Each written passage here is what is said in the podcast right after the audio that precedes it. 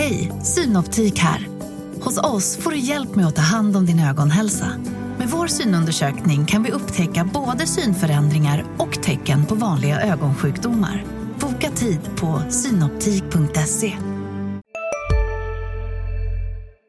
President's Day till amerikanska tittare. Det är nämligen stängt i USA idag. Men mycket att prata om här i studion. Uppåt i Asien under natten. Det är den 20 februari. Du tittar på Börsmorgon. I dagens program ska vi prata om en summering av rapportsäsongen, inflation och eh, räntehöjningar förstås. Och så ska vi titta närmare på Tobii Eye. Det gör vi med DIs Mikael Olsson som står här i studion tillsammans med finansanalytikern Peter Malmqvist. Peter, är du mer optimistisk oförändrat eller mer pessimistisk jämfört med förra gången du var här? För ett kvartal sen så var jag nog på ungefär samma nivå som nu. Men det är allt svårare när börsen knallar på uppåt så att säga. Börskurser är en väldigt stark faktor och påverkar ens analys och tänkande. Så att jag är lite mer osäker nu. Då. Mm, och, och, och, vana tittare vet ju att Peter alltid har den här pessimiststämpeln, så en osäker Peter är ett glatt tecken får vi säga. Ja, precis. Mikael, du, du är inte lika stämplad som optimist eller pessimist? Någon Nej. övergripande reflektion över rapportläge och marknadshumör? Men jag, jag tycker att eh, själva rapporterna har väl inte varit så där urstarka. Många har ju straffats ganska mycket också. Um, men det är svårt, svårt att vara pessimist när eh, börsen bara rusar och fortsätter uppåt. Nu har det varit lite skakigare på slutet men det har varit otroligt stort, alltså starkt i början på året. Desto brantare blir fallet, som jag brukar säga. Hörrni, eh, mycket bolagsspecifikt eh, att prata om också. Teknikkonsulten Railers, alltså Sweco och ÅFs eh, lillebror, ÅF får man inte säga, ursäkta, Afris lillebror, lägger bud på eh, sektorkollegan Eurocon på 10,75 kronor per aktie. Det här är en premie på 35 procent. Men vi ska prata med, med, med bolaget. Viktor Svensson är med oss 9.20. Vad är Eurocon? Jag har ingen koll på vad det är man vill köpa. Men det är ett, eh, ett mindre konsultbolag, eh, Norrlandsfokuserat, eh, kontor i, i Örnsköldsvik. Um, så de, det är väl verksamt lite inom liksom, samma områden som, som Railers. Så jag antar att det här är en liksom, satsning på ja, den eh, snabbväxande in industrin i, i Norrland. Ja, det ska bli kul att höra mer om i slutet på programmet. Du skrev väl tillsammans med några kollegor en genomgång av svenska budkandidater på börsen? Jajamensan, det, det stämmer. Vi hade med en, eh, en konsult där, eh, Knowit, då, som är betydligt större. Um, där var ett, ett, argument emot att de skulle köpas ut just att de är så stora och där är ju uh, Eurocom betydligt mycket mindre. Uh, men uh, vi har ju sett en konsolidering i hela den uh, sektorn egentligen under under en längre period eh, där HiQ och, och eh, Acando har köpts ut från börsen och det har varit en, eh, en generell trend i, i industrin. Så vill jag nämna från eh, börs och industri och utköp till eh, makro att vi fick inflationsdata i morse. Huvudsiffran var lägre än väntat men den underliggande inflationen, alltså KPIF exklusive energi, steg oväntat och ligger nu över både analytiker och Riksbanken, analytikernas och Riksbankens egna prognoser. Vi såg en viss kronförstärkning på det här. Eh, Peter, även om du har tittat på dagens siffra, men jag tänkte mm. vi skulle snacka lite inflation. Om vi börjar med det korta. Om vi börjar med det korta så kan man konstatera, precis som du sa, att det var något bättre än vad analytikerna hade prognostiserat. Det jag fäster mig vid är ju att överallt så pratar vi bara om KPIF för att det är det Riksbanken styr efter. Det vi ska jämföra Sverige med när vi jämför mot andra länder det är ju vanliga KPI och det var 11,7 procent. Så att jubla över 11,7 procent, även om det månaden innan var 12,3, det är naturligtvis lite svårt att göra. Vi har en av industrivärldens absolut högsta inflationstakter. Och fram till den här månaden så har det bara gått uppåt, uppåt, uppåt. Så att ur det perspektivet så... Alltså Sverige har mer än andra länder menar ja, du? det har vi. Det har jag inte tänkt så mycket på. Kan du, kan du berätta varför? Det beror väldigt mycket på den svaga kronan som importerar högre inflation i Sverige än i andra länder som inte har samma så att säga, skjuts då, eh, i export och annat. Eh, det beror också på våra extremt volatila eh, elpriser. Eh, de eh, har väldigt stor betydelse för inflationen eftersom vi värmer upp våra villor och hus och så vidare rätt mycket med elektricitet. Så att det är de två faktorerna. Det, det, det, är lite svårt, alltså vi pratar här om någon tiondel hit eller dit. Alltså, tittar man på siffrorna, det här är ett system som har råkat i sken. kronan har råkat i sken, elektricitetspriserna har råkat i sken och ingen verkar kunna säga riktigt varför. Och sen så står vi och jublar över någon tiondel hit eller dit på inflationstakten när KPI ligger på 11,7 procent. Det är på något sätt lite bizarr värld. Alltså jag kan ju inte hitta någon stabilitet i det här, även om det kommer in några tiondelar under då på KPI. Men vi hoppas i alla fall på en riktning som ska vara åt rätt Ja, det beror alldeles på vilken åskådning ja. man har. Ja, och min siffra man min roll är egentligen bara att kolla på de här siffrorna och säga, ska jag jubla eller inte? 11,7 procent på KPI, det kan jag aldrig jubla över då får det vara en ordentlig nedgång. Alltså Ja, men om, om man är börspessimist så är det bra för då får du ju rätt till slut. Mikael, är du intresserad av inflation? Vill du flika in något? Uh, men jag, jag, vet faktiskt inte om jag har något vettigt att säga här i, i studion om jag ska vara helt ärlig. Du tänkte, och det gör inget för du har mycket annat eh, vettigt att komma med snart. Men vi kör några inflationsgrafer. Peter har med sig eh, mm. fem stycken till ja, och med. Jag trummar på här. Det, det, här är ju den kanske mest intressanta startpunkten. Den röda kurvan här det är då det amerikanska konsumentprisindex. Och man ser ju där från juni hur det har planat ut. Men i sista mätningen så var det en liten upptick igen. Den andra är då eurozonens som på sätt och vis då släpar efter men också fram i oktober ungefär fick det här trendbrottet. Och båda de här kurvorna har ju då förklarat rätt mycket börsoptimismen som vi har haft sedan i princip början av oktober. Och det är ju förväntningar eller förhoppningar om att inflationstrenden är bruten. Kan vi lägga på nästa kurva? För här kommer då Sverige in. Nu var det i gårdagskvällens eh, nattmörker som jag gjorde den här. Hade jag haft eh, tid på mig här på morgonen så hade det varit på den där övre kurvan så hade ja. det varit en liten nedåt-tick, ett nedåt-hack. För nu i årstakt så går den där kurvan neråt. Då. Men det här är KPI, så det är inte det här justerade måttet. Då. Så under så har jag då en kurva som är konstigt nog Schweiz. Och vad vill jag säga med den? Jo, det är ju inte självklart att inflationstakten ska vara tvåsiffrig. Schweiz inflationstakt är inte tvåsiffrig. Den är ganska under kontroll. Så man måste ju ställa sig frågan liksom, varför gör eh, inte schweizarna som alla andra och bara brakhöjer priserna? Mitt svar på den frågan skulle vara att i den schweiziska ekonomin så höjer man inte priserna. Man höjer aldrig priserna. De har haft nollinflation eller 0,4 procents snittinflation de senaste 20 åren i Schweiz. Det här är också en mentalitetsfråga. Svenska företag får prisökningar, har möjlighet, god efterfrågan, valutamedvind. Då drar vi till med prishöjningar så klarar vi vinsten. Alltså det är en mentalitetsfråga och det är det jag vill säga med den här schweiziska kurvan. Det är väl en valutafråga också? Schweiz har en väldigt stark valuta. Absolut, men hur, vad är en valutafråga? Det, liksom, det har ju att göra med massa andra faktorer. Va? Så att ur det perspektivet. Sen hade jag eh, två kurvor också på den här inflationstakten som är eh, exklusiv energi. Och den är väl eh, den röda kurvan här som man ser då, det är den amerikanska kurvan. Och också där fick de ett upptick precis sista månaden. Men det, det är väl inte riktigt samma optimism över den här kurvan. Och sen så har du då den mittersta delen då, det är den svarta kurvan i eurozonen och Sverige ligger precis bakom på X energi då. Hade jag hunnit lägga in eh, morgonens så hade den svenska kurvan fortsatt uppåt i det där mittensegmentet lite när eurozonskurvan bryter av neråt. Och så återigen den här schweiziska kurvan då som ligger betydligt lägre än alla de andra. Så X energieffekten så har ju schweizarna fullständigt normal energi sett ur vårt perspektiv. Alltså.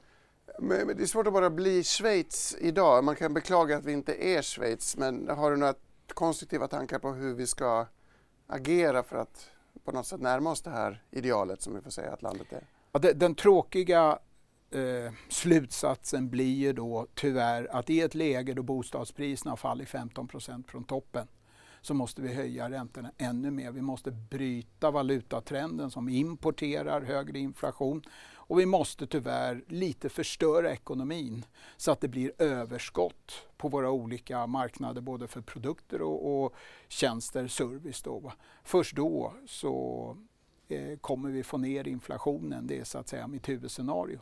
Att sitta och räkna tiondelar i ett läge då ekonomin totalt sett är väldigt god och då företagen som vi har sett av rapporterna prishöjningsmöjligheter verkar vara närmast oändliga det tycker jag blir lite och vad är det man säger, sila kameler och svälja vadå? Dromedar. Svälja myggor eller? Ja, Någonting sånt. Alltså, det det krävs tyvärr rätt mycket mer än hittills för att få ner inflationen. Och I Sverige så handlar det ju väldigt mycket om att bryta valutatrenden. Det är möjligt att vi har gjort det nu med den nya riksbankschefen. Det känns lite som att det finns även en bred uppslutning i samhället, industrin inte minst då, att den här svaga kronan är ingenting som vi vill ha. Den här svaga kronan skadar vårt anseende och så vidare, anses som så att säga otillåten hjälp när andra har det mer problematiskt. Men så har vi det tredje området och det är det här med energin. Hur har vi kunnat hamna i den här situationen?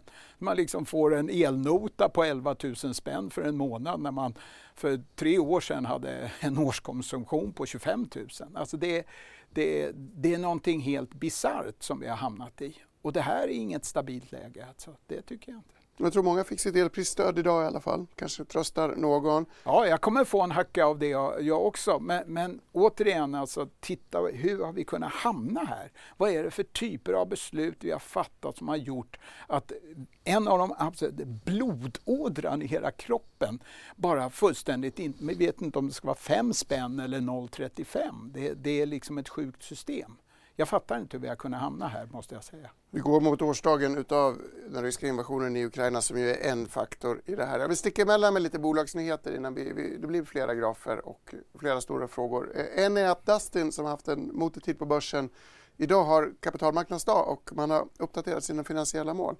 Vad är det man har sagt? Um, ja, men det är ganska mycket som är oförändrat men man höjer tillväxtmålet lite grann då till 10% från tidigare 8 Um, så det skulle jag säga är den, den, största förändringen. Sen så gjorde man ju något förvärv, jag kommer inte ihåg om det var under 2022 eller 2021, uh, eh, som gör att man preciserar lite hur man vill att det ska gå mot exempelvis uh, small medium businesses uh, och så vidare. Så, så um, det är lite mer uppstakat och lite högre än innan. Så man får säga att det är positivt. Bolaget verkar ha en lite, lite gladare blick framåt. Sen får vi se om konsumenten blir starkare eller inte och hur lång tid det tar. Då. Mm. Men, men eh, eh, självklart så eh, ja, men de, de siktar lite högre och, och fortsätter. Och vem vet, kanske är det när det ser som sämst ut som man, man ska köpa de här aktierna. Den har varit extremt pressad, Dustin. Mm. Man säga. Så många konsumentkopplade bolag? Ja, så är det och det finns väl kanske en anledning till det också goda anledningar, särskilt om vi lyssnar på, på, på Peter här. Domedags. ja, men, ja, men jag, jag, jag, håller med om att man ska köpa, för, köpa de här aktierna för tidigt, men det är ju det, det tar emot väldigt mycket eh, och gör väldigt ont och så kommer det nya dåliga nyheter.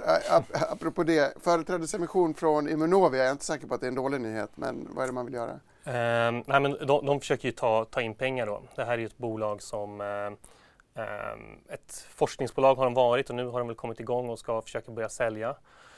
Eh, det, det, finns mycket man kan, man kan säga om det här bolaget men jag, jag tror att om man ska delta i den här företrädesemissionen då måste man nog läsa på och försöka bilda sig en, en, eh, en bra uppfattning om vad, vad, deras eh, tester kan göra och inte göra. För att, det här är ganska avancerad materia mm. um, och jag tror att um, um, om de inte har kommit igång med försäljningen nu då måste man ha en ganska tydlig bild av varför ska de komma igång med det. så, så jag, jag, tror att man Eh, om, om, man eh, ska delta i det här då, då ska man ha mycket kött på benen. Um, mm. Annars så, så, kanske det finns lättare, um, lättare case att ta sig an. Apropå tuffa, tuffa case på börsen så kan jag berätta att vi söker Swedish Sterlings eh, ledning för en kommentar kring den kommunicerade planerade avvecklingen av den verksamheten. Vi har en minut kvar. Jag tänkte vi tar en graf till Peter väldigt snabbt också på inflationstemat. Här ser vi livsmedel. Mm. Ja, livsmedel är ju verkligen en hörnpelare. Det är boende och livsmedel som vi har i vår ekonomi i praktiken. Och jag gissar att vi har Schweiz där längst ner. Ja, det är Schweiz längst ner då, inte överraskande. Men där ser du Europa och Sverige då, eller eurozonen och Sverige pinna iväg faktiskt snabbare än den amerikanska röda kurvan. Men även här, allting är ju inte livsmedel, men även här så ser man ju liksom att Ah, det alltså, vad är det egentligen som händer? Ja, det är energipriserna som har gått ner. Oljan har gått från 130 till 80 dollar. Gaspriserna har gått ännu mer ner från en ännu högre topp. Och det är det som spelar in. Ja, men är inte det positivt då? Jo, det är absolut positivt. Skulle det fortsätta ner, då kommer även de här kurvorna att börja vika av neråt. Och räntetrycket på ekonomierna kommer lätta, men kommer då oljan fortsätta ner?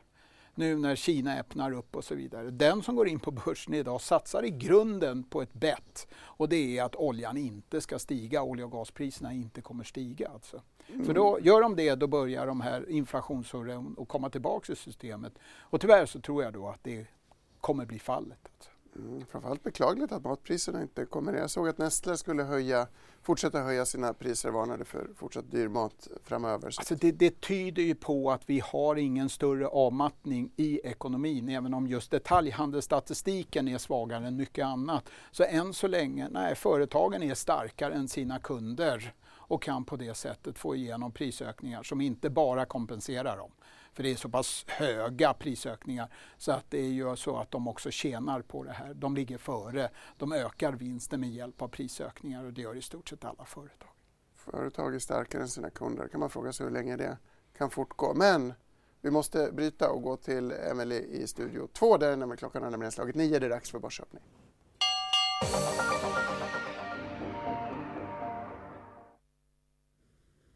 Mm, tack för det Gabriel och kanske så är marknaden lika glad som Peter över att eh, kronan försvagas nu efter den här inflationssiffran som alltså var eh, värre om vi ska säga så, alltså högre inflation än väntat när det kommer till underliggande inflation. Nämligen så att kronan försvagas mot dollarn, en sådär 5-6 öre kanske, kostar 10 kronor 40 öre nu. Även kronan försvaras mot euron, kostar sådär 11 kronor 12 öre, inte lika stor skillnad som eh, mot dollarn. Men börsen som helhet alltså, OMX30 upp ganska svagt OMXPI lite mera. I toppen av storbolagsindex hittar vi Sinch, Autoliv, Kinnevik, SKF med uppgångar på ungefär 1% så ganska milt. Nibe är i botten ner nästan 2% kan vara lite vinsthemtagningar kanske med tanke på hur den aktien har gått senaste tiden.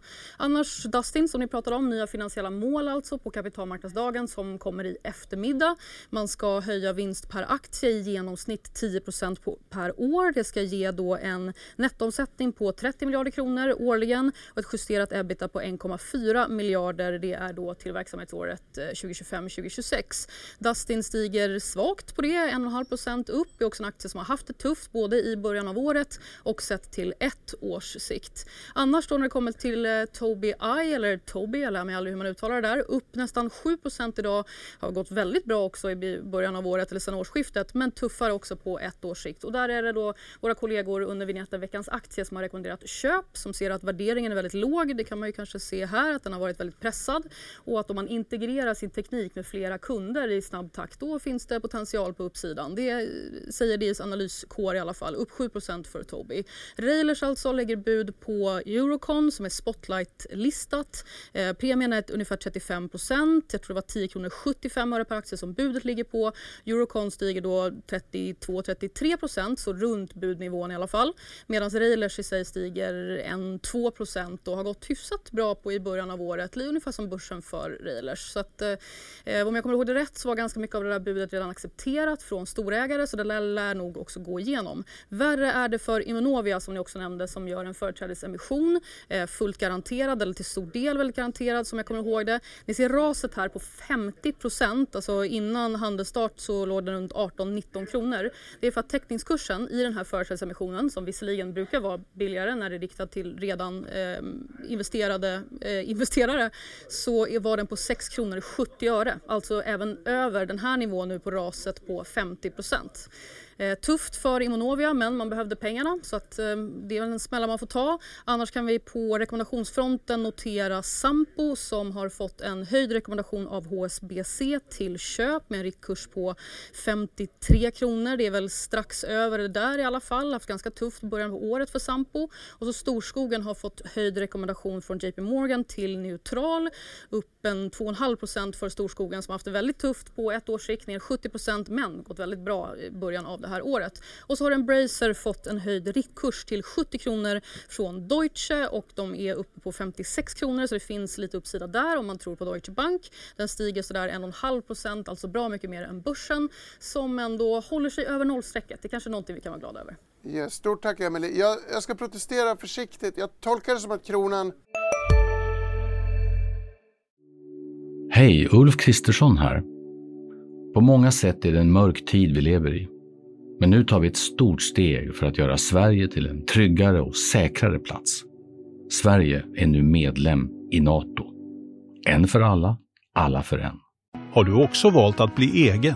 Då är det viktigt att skaffa en bra företagsförsäkring. Hos oss är alla småföretag stora och inga frågor för små. Swedeas företagsförsäkring är anpassad för mindre företag och täcker även sånt som din hemförsäkring inte täcker. Gå in på swedea.se företag och jämför själv.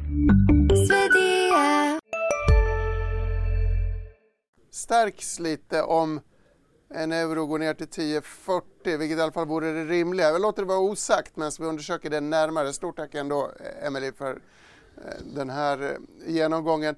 Jag reagerade, vi skojade lite med Emelie pratade, Storskogen upp 2-3% Embracer upp 2-3% Det är knappt, knappt eh, en rörelse i de här aktierna.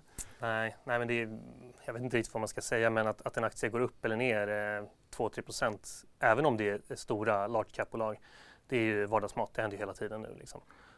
Um, så ja, men jag tycker det är ändå intressant att, eh, att bankerna höjer riktkursen. Då tror man ändå att det finns, eh, ja, uppenbarligen så tror man att det finns lite uppsida eller eh, no någonting positivt ser de som, som gör att de vill höja. Um, så, så, det tycker jag ändå är Ja, det är, det är intressant. I, Storskogen, jag läste faktiskt inte rapporten så noga som jag brukar, men man kan ju ändå säga att den aktien har kommit ner ordentligt i pris.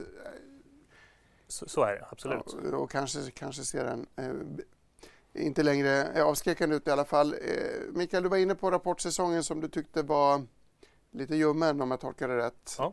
Eh, Peter har, Peters specialitet är att ta fram en massa grafer på det här. Du får, du får köra ett sjok till. Ja. Eh, vinstutveckling, vinstförändring ser vi här ja. i årstakt. Jag trummar på här. Det börjar 2011 och det här är vinstförändring per kvartal i årstakt. I vilka bolag? OMXS30 eller flera? Ungefär ett 70-tal ja. storbolag men de svarar för 80 procent av eh, börsvärdet så att det är det det handlar om. Jag ska, jag ska pausa dig direkt. Mikael, om du tittar på den sista pelaren längst till höger, den är ner lite grann. Stämmer mm. det med din magkänsla ungefär? Ja, nej men det, det, får man väl säga. Det har väl inte varit riktigt lika starkt som, som de senare kvartalen. Som, eh, ja, det, det, är väl säkert delvis eh, väldigt stark valuta som, som påverkar, eller valuta med vind ska man säga.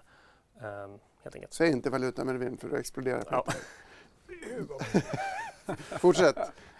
Ja, om man tittar på den här då, så det är ju ingen dramatik. Det började dock eh, lite sämre än vad det slutade faktiskt. Så det var lite mer positivt på slutet. Så att den här lilla stapeln då, den var betydligt eh, mer kraftfull i början. Men vi ser ju då att det är absolut utan dramatik ändå en eh, avtagande vinstökningstakt som nu för första gången då har gått in i en vinstminskningstakt.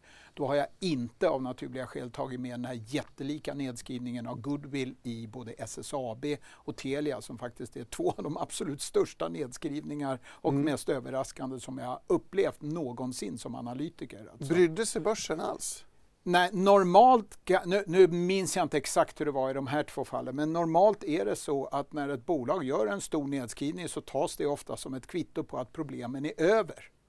Mm. Och att då, nu har man råd att ta nedskrivningen, nu har man råd att erkänna att det här var inte så himla bra förvärv och så vidare. Nu har, jag måste erkänna Nej. att jag ja, inte tittar på kursreaktionerna av vare sig Telia eller SSAB. Jag bara noterar att skulle jag lägga in dem, då får vi en helt annan stapel i det hela. Va? Men sen har jag med mig också de här infront-prognoserna. Då jämför jag ju bolagens utfall mot de här prognoserna som Infront samlar ihop. Då. Det finns ju olika källor, så det är bäst att poängtera att det här är just Infront. Då. Och då ser man en fantastisk trend som nu bryts. Det är 11 kvartal i rad så har utfallen faktiskt överstigit bolagens, eller analytikernas prognoser för bolagen. Då, va? Och det är ju då också ett trendbrott, att nu är inte längre bolagen bättre än vad analytikerna prognostiserar. Och så brukar det vara, alltså det är hipp som happ. Mm. Ena kvartalet är lite över, det andra är lite under, sen lite under igen och så två kvartal med över. Så analytikerna är normalt väldigt duktiga på att prognostisera bolagens resultat. Men under den här pandemiåterhämtningen så har bolagen överpresterat hela tiden fram till nu. Och det är det ena.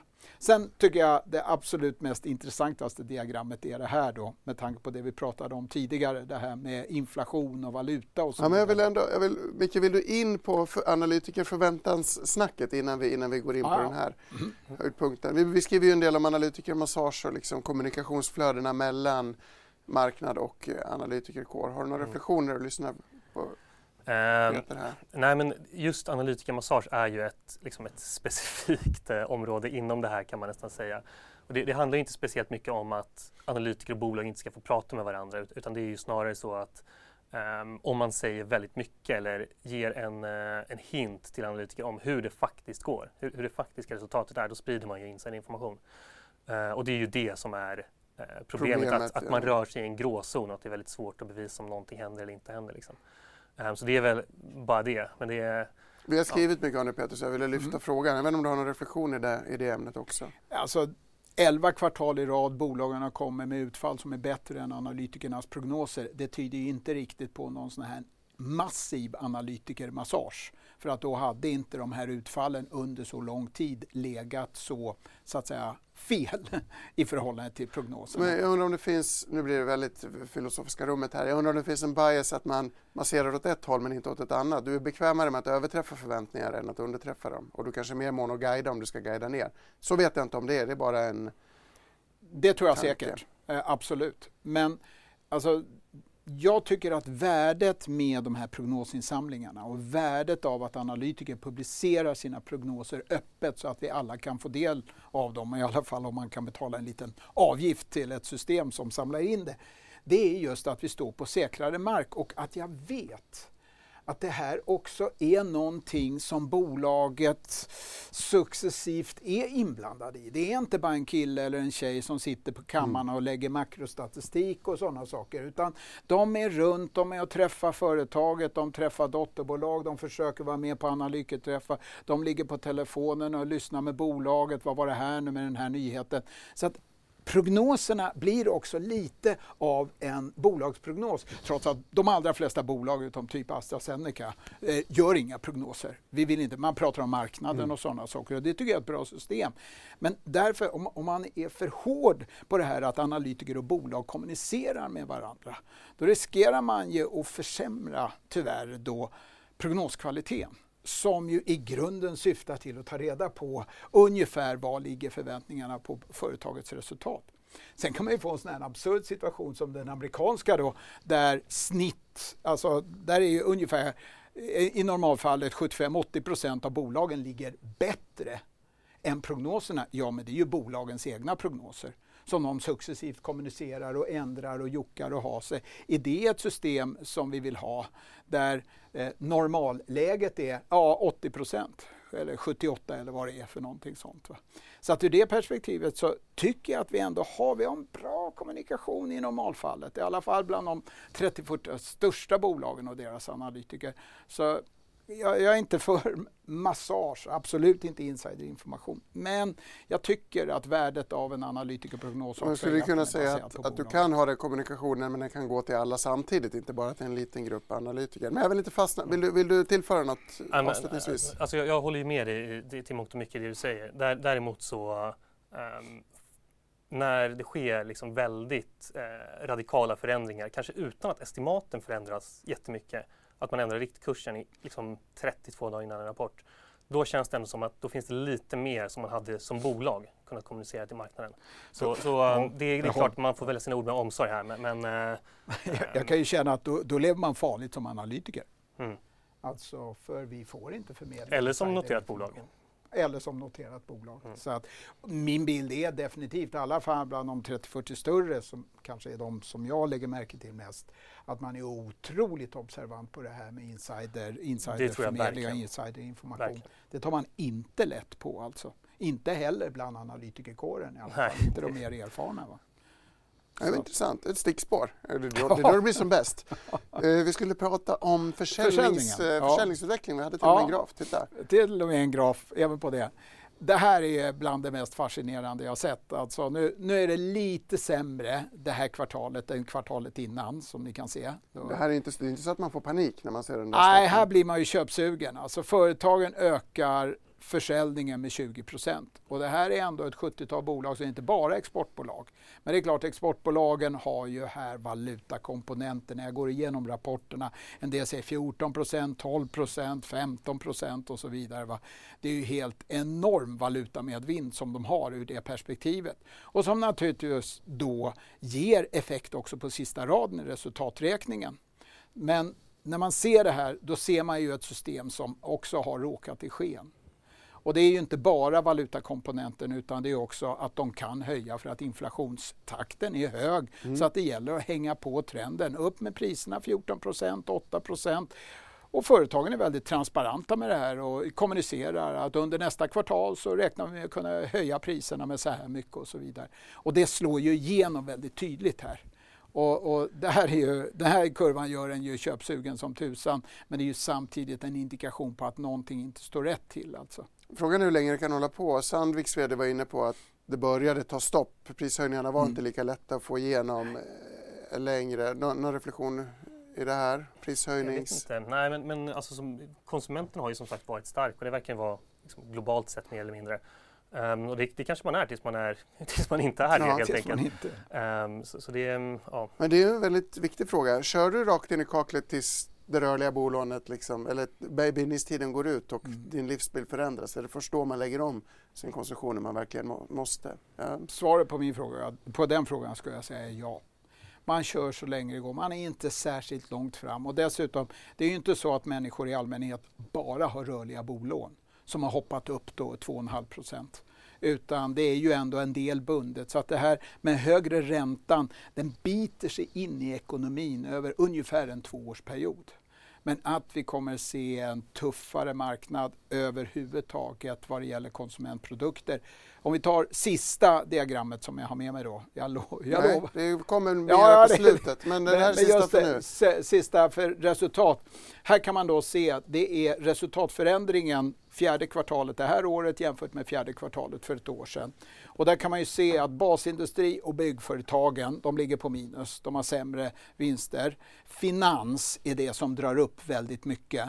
Och sen så har du det som drar ner mycket då är min konsumentsektor. Så det är ganska tydligt att bygg och konsument har det tuffare i dagsläget medan bankerna då har det väsentligt bättre. Det, nu det ska känns, man ju, känns ju som i linje med magkänslan. Ja, det är väl i, i linje med magkänslan tycker jag också. Det, det, förhoppningsvis så speglar min undersökning allas magkänsla här och jag bara dokumenterar det. Va? Men tar jag bort bankerna ur den här vinstförändringsekvationen, man ska mm. inte hålla på så här egentligen, men då faller vinsterna i övriga bolag med 12 procent. Så då har vi en, ett ordentligt fall.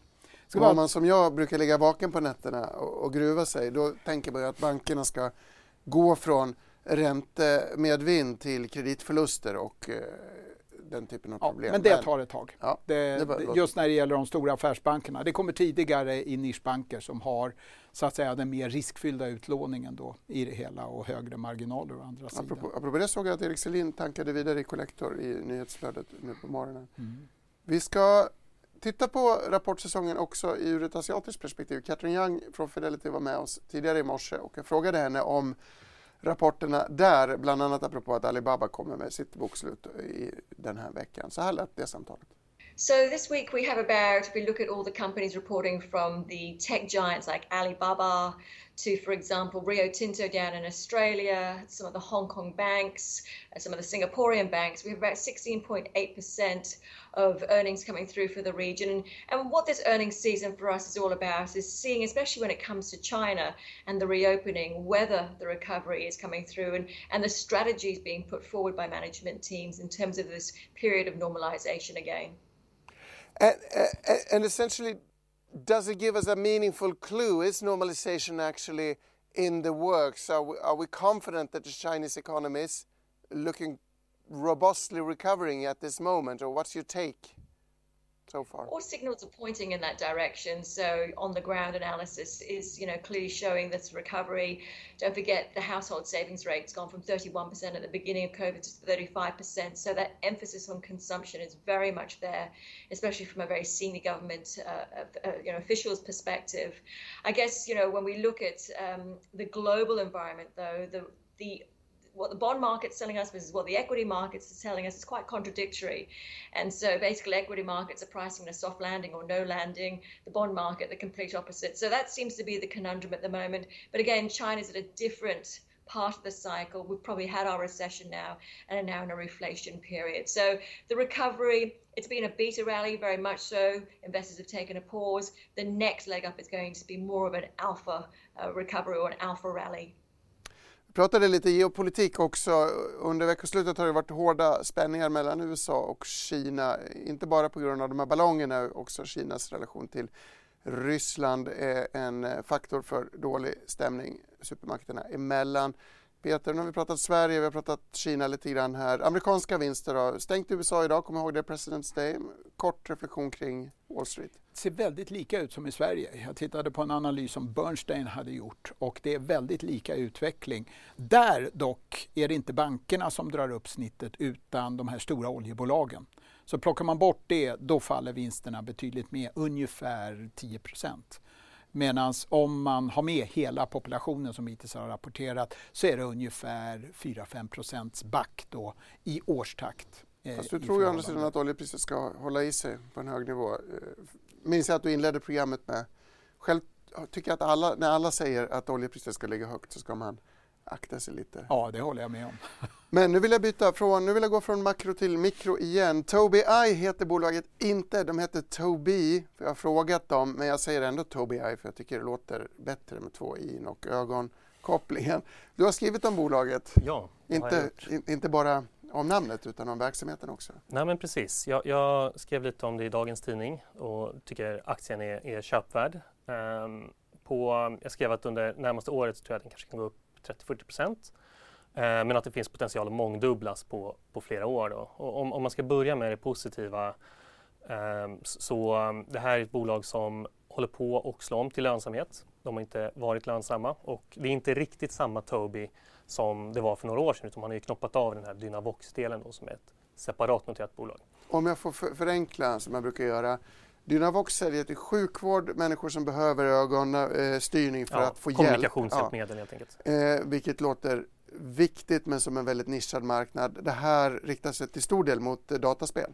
Um, ja, headsets. Det, det, det, kan man säga, absolut. Uh, den, den, stora senaste grejen är att de, den här ögonsensortekniken som kallas eye tracking då, Tobii själva kallar den för attention computing, alltså vart man riktar sin uppmärksamhet generellt. Den är integrerad i Sonys kommande VR-headset. Um, ehm, Som kostar enkelt... typ 15 000 spänn om du ska köpa konsolen också och ja, headsetet. Apropå prishöjningar. Det. Det, det, är, det är verkligen svindyrt. Um, men troligtvis så kommer de ändå kunna sälja ett par uh, miljoner sådana här headset mm. per år. Då. Um, sen är frågan om de säljer en miljon uh, första året eller två miljoner och så vidare. Och så där. Men där vet jag inte om min gissning är så mycket bättre än alla andra. Ja, men det är oavsett, det är en väldigt spännande område, headsets, VR, coolt med ett svenskt bolag i mitten av den här utvecklingen. Verkligen, verkligen. Och just när det kommer till VR, där tycker jag att man ska fokusera på gaming, alltså dataspel och, och tv-spel. Jag tror inte man ska lägga jättemycket tid på det här eh, metaverse-kalaset, utan det kommer nog ta väldigt mycket mm. längre tid. Däremot när det kommer till eh, eh spel, där, där, finns det en, en eh, relativt stor potential. Men just för, just för Tobii, det ska jag säga också att um, de här headseten, det är ju känt om marknaden. Alla vet att de är i Sonys eh, kommande headset. Så det som man som, jag såg att aktien var upp lite grann nu, det man måste tänka på i själva caset är att um, man måste fundera kring tekniken om man tror att det här är en teknik som är lätt att replikera. För om det är så att den här um, liksom ögonsensorbiten blir en, en basvara som vem som helst kan utveckla, då kommer marginalen att urholkas och de kommer inte kunna växa speciellt snabbt. Så det, det är liksom um, om man köper en aktie nu, då måste man fundera kring, okej okay, men tror jag att det här är någonting som, som är svårt att göra, som är, som är avancerat? Det känns som småspararfällan här. Man har en unik teknik som man investerar i och så visar det sig att, att det blir en commodity. Och, eller, eh, att, precis. Exakt, men, men, eh, just nu så håller ju Tobii på och eh, de har integrerat i det här nya Sonys VR-headset. De satsar på fordonsindustrin som förvisso också är en, en extremt prispressad industri för, för alla underleverantörer. Men Ehm, det som händer med den delen som kallas integrations, de har två verksamhetsben och där, där integrationerna sker är väldigt höga bruttomarginaler. Det är i princip mjukvarulicenser. Ehm, så bruttovinsten blir ju nä nära 100% ifrån den typen av verksamhet. Så om det väl tar fart med volymerna, då kan det här bli väldigt bra. Och det är ju det man, man hoppas på. Um, och nu är de ju precis i, i ögonblicket att börja slå om till vinst. Jätteintressant. Då tar vi på plussidan tar vi med oss de starka marginalerna. På risksidan tar vi med oss risken för att, att det går att replikera. Jag antar ja, att Apple... teknikrisken liksom. Ja. Och, och, så. Sen, sen uh, har ju hållit på med det här i många år. De har ju uppenbarligen gjort det bra. det finns en hel del olika aktörer som är villiga att betala för det. Så det är klart att Sista frågan då. Hur stor är risken för en emission i det här bolaget? Även om det går bra och även om eh, man, man gör rätt saker så brukar det alltid ta längre tid än vad man tror. Hur är kassan? Så är det verkligen. Eh, jag tror att de har drygt 300 miljoner i nettokassa. Ehm, och jag skulle inte bli förvånad om, ifall aktien går upp lite grann, säg att den går till ehm, 30 kronor, att de gör en riktad emission på 5% av bolaget bara för att säkra upp det. det är, mm, om möjligheten finns, varför skulle man inte göra det? Liksom? Det, är, mm, det är i alla fall min, eh, min åsikt om det, att göra en emission när du, när du kan och inte när du måste. Hörni, vi får måste sätta punkt. Jätteintressant om Tobii. Spännande. Jag noterar kurs, även om vi alltid blir lite oroliga på det när kursen går så mycket på våra rekommendationer. Men sån är den illikvida marknaden. Vi ska besöka Marknadsstudio 2 och Emelie Lundgren. Hur går börsen nu? Lite som den gjorde förut. Det är försiktigt uppåt. Det är inte sådär jättemycket handel idag. USA är ju stängt som du sa Gabriel så då brukar det vara lite mer avvaktande. Storbolagsindex i alla fall håller sig precis över nollan. Breda index lite mer än så, en halv procent. I toppen av storbolagsindex är det blandat. Det är Sinch, SBB, Autoliv, Electrolux som vi kan se här som ligger mellan 1 till 2 procents uppgångar. Så försiktigt där. Och så Nibe i botten ner 2,5 procent följt av Atlas Copco men det var väldigt små nedgångar för Atlas och inte många på eh, röda sidan eller eh, den andra sidan strecket idag. Eh, kronan håller på att förstärkas tillbaka lite igen som det var innan inflationssiffran kom för januari men fortfarande en viss försvagning, några öre i alla fall. Tobii som ni pratade om, ja, eh, Mikael du sa om de kommer upp till ungefär 30 kronor. De har fått en bra skjuts på vägen idag eftersom att de stiger 13% upp till ungefär 25 kronor. Så lite kvar finns att hämta.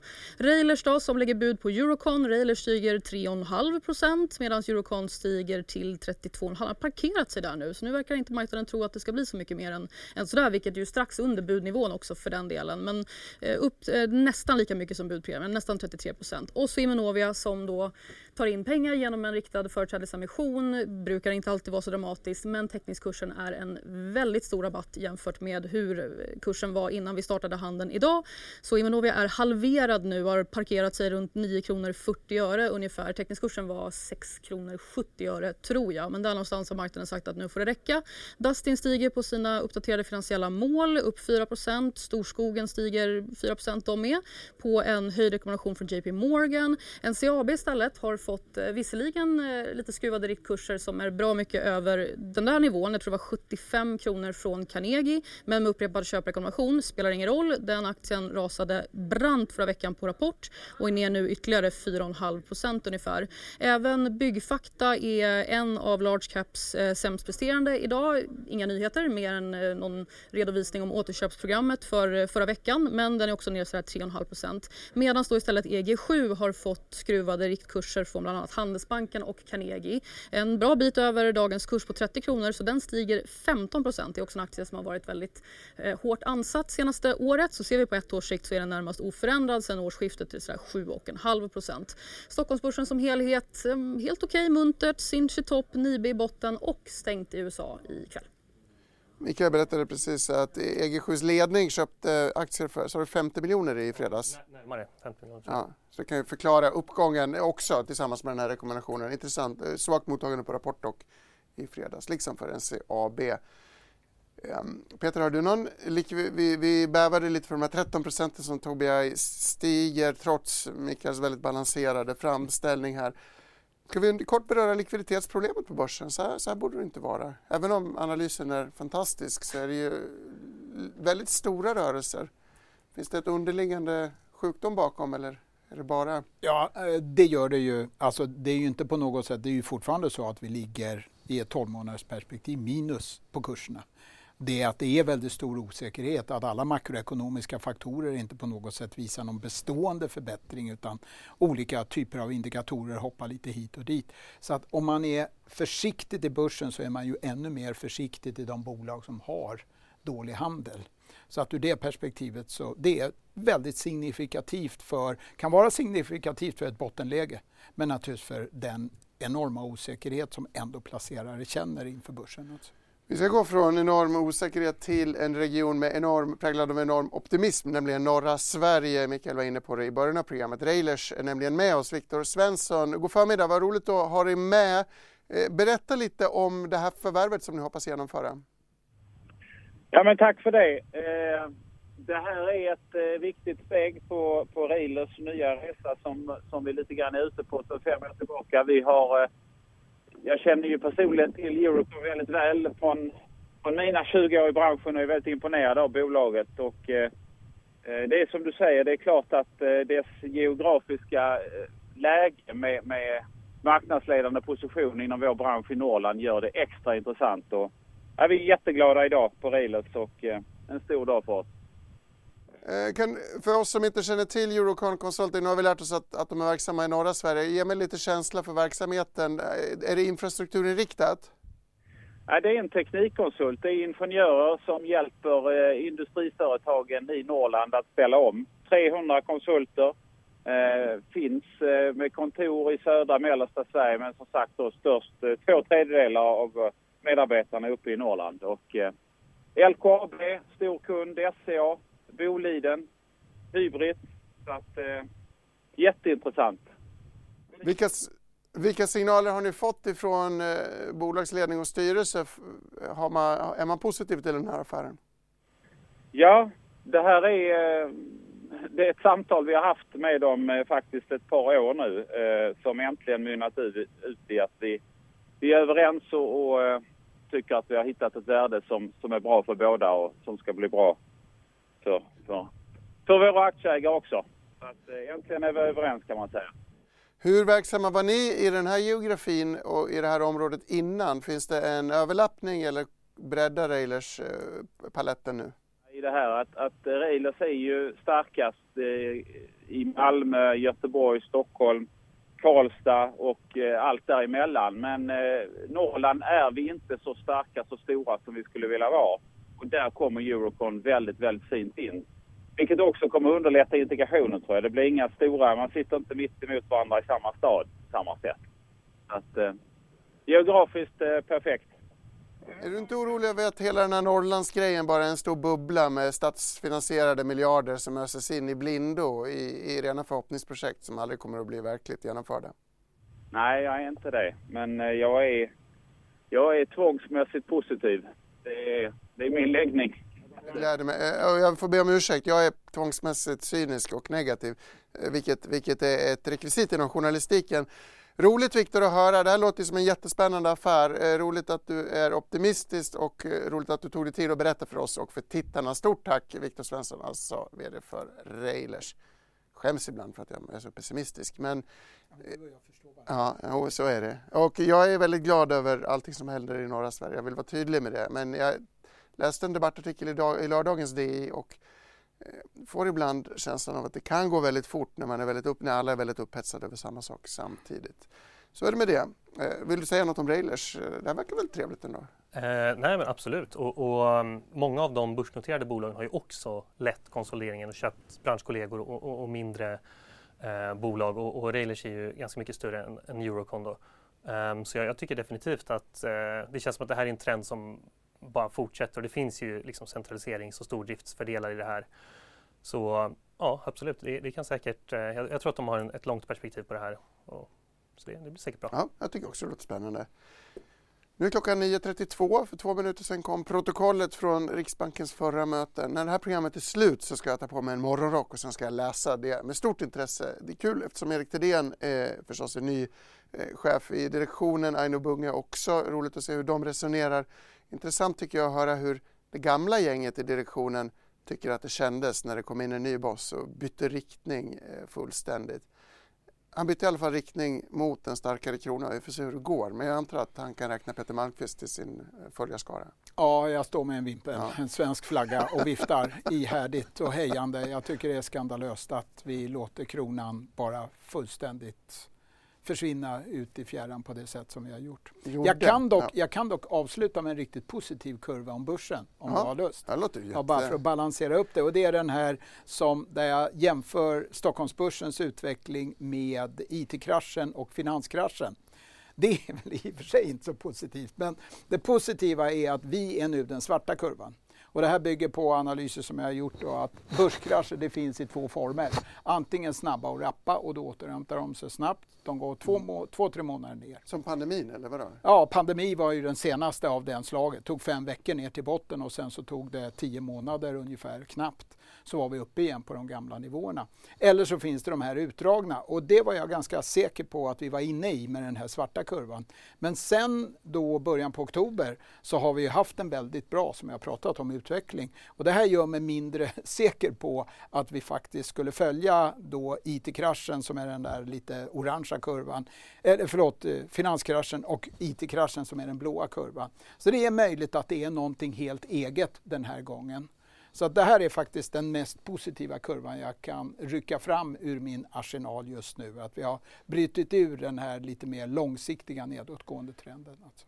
Även Satan blir religiös på gamla dagar, eller vad säger Nej, man? Jag är inte fullt där ännu. Alltså. Jag vill ändå mot, i dessa tider av balans här, så vill jag ändå säga att jag har en och annan positiv kurva också, alltså inte bara negativa scenarier. Vi kan väl tillägga att sist du var här så tittade vi på samma kurva och då hade man inte sett, den här reservspreadningen. Då, då, låg vi precis i, vi hade fått en upptick, jag tror det var i november jag var här. Då hade vi fått en upptick men vi låg fortfarande i det här spannet där man mycket väl kunde säga att det här var på väg neråt, alltså fortsatt. Nu är jag mindre säker men eh, ändå så är det inte så att jag är optimistisk. Nej, dit är det långt. Alltså. Vi har en bild kvar, va? värderingar på Stockholmsbörsen. Ja, om jag kan ta den så är det också en ganska positiv kurva. Det här försöker då visa börsvärdet, som är den svarta, tunna svarta kurvan, i förhållande till vinstprognoserna. Och det är vinstprognoserna multiplicerat med 17 eh, som är den övre kurvan eller vinstprognoserna multiplicerat med då 13 som är den undre kurvan. Och man kan se där att vi studsade på den undre kurvan faktiskt när jag, ungefär lite innan jag var här senast. Och nu så har ju då börskursernas uppgång samtidigt som inprognoserna har kommit ner lite så gör vi ändå att nu ligger, vi har en normal värdering om saker och ting är bra om räntorna är normala och om vinstutvecklingen är normal. Och det är väl det jag påstår att det inte är då. Men för den som nu tycker att vi är på väg in i ett förbättringsläge och inflationen är på väg ner och räntehöjningar blir inte så farliga och snart kommer vinsterna tillbaka då är faktiskt det, man kan i alla fall inte säga att det ur det perspektivet är en hög värdering på Stockholmsbörsen. Nu har jag inte med mig den amerikanska kurvan men där är det lite värre. Där är det faktiskt en hög värdering och de har dessutom klart högre räntor än Sverige och Europa. Det där kan man väga upp. Att man läser väldigt mycket no landing-analyser nu tycker jag i inkorgen. Att många amerikaner verkar tro att det, Förut pratade man ju om en soft landing och nu verkar man tro att vi kan flyga över lufttankar, tror jag SCB skrev i sitt ja, morgonbrev. Ja. Vill du lägga något till detta? Nej, jag vet inte riktigt vad man ska säga om det här, men det känns ju som att alltså om, um, om vi skulle få en soft landing eller no landing, då kommer ju antagligen att räntorna att vara högre under en längre mm. period. Medan om uh, det blir en, alltså att, att räntorna skulle sänkas, det känns ju som att då skulle ju ekonomin verkligen kraschlanda. Um, så jag, jag, är lite, alltså, om jag ska säga någonting så är det, det är svårt att vara jättepositiv nu. Alltså om, om, man ska vara, ska vara helt ärlig, speciellt när man tittar på den där senaste grafen om värderingen. Det såg ju betydligt dyrare ut nu än på ja. P 13 liksom. Alltså, det är ju helt enkelt så att det här är inget stabilt läge. Och det håller helt med. Alltså no landing, eller att vi mm. seglar igenom det här med oförändrade vinster och allting är frid och fröjd. Det är ett helt otänkbart scenario. Alltså räntorna i USA, de ligger nu så pass höga så att det är absolut intressant för vilken placerare som helst att köpa räntebärande papper. I Europa och Sverige så börjar det, den punkten också in, infinnas igen. Där det, det finns ett alternativ alltså. Det finns helt plötsligt ett alternativ. Det har vi i Sverige inte haft på tio år. Innan vi började höja räntorna i mars förra året så hade vi inte haft positiva räntor för storplacerare någonstans i ekonomin. Småplacerare får gå ännu längre tillbaka. Så att ur det perspektivet så är det ett nytt scenario. Men ovanpå det så alltså det är klart att får du tre gånger så höga räntor helt plötsligt på dina bolån så måste det tas någonstans ifrån och det är från din konsumtion. Vi ser det inte ännu, men det kommer. Alltså man kan se det i viss statistik, detaljhandelsstatistik, man kan se det definitivt i fallet i bostäder i Sverige och en del andra länder också. Det är bara det att det här är en sån enorma krafter så det tar tid.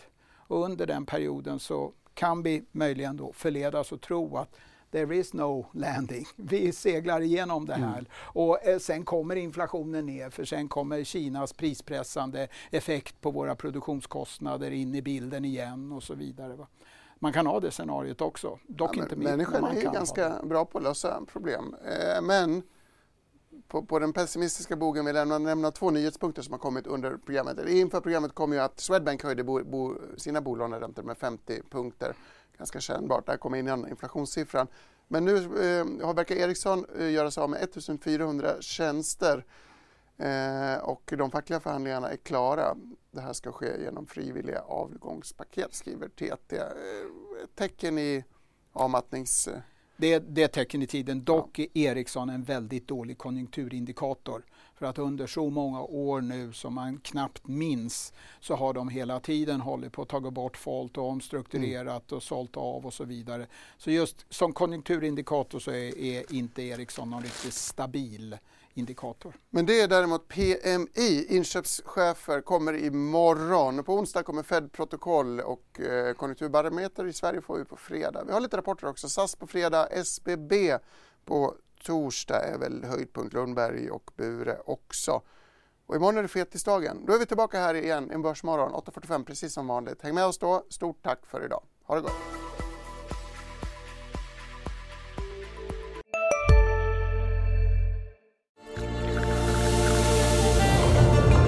Välkommen till Maccafé på utvalda McDonalds restauranger med Baristakaffe till rimligt pris. Vad sägs om en latte eller cappuccino för bara 35 kronor? Alltid gjorda av våra utbildade baristor. Hej, Susanne Axel här. När du gör som jag och listar dig på en av Krys vårdcentraler får du en fast läkarkontakt som kan din sjukdomshistoria. Du får träffa erfarna specialister, tillgång till lättakuten och så kan du chatta med vårdpersonalen. Så gör ditt viktigaste val idag, lista dig hos Kry.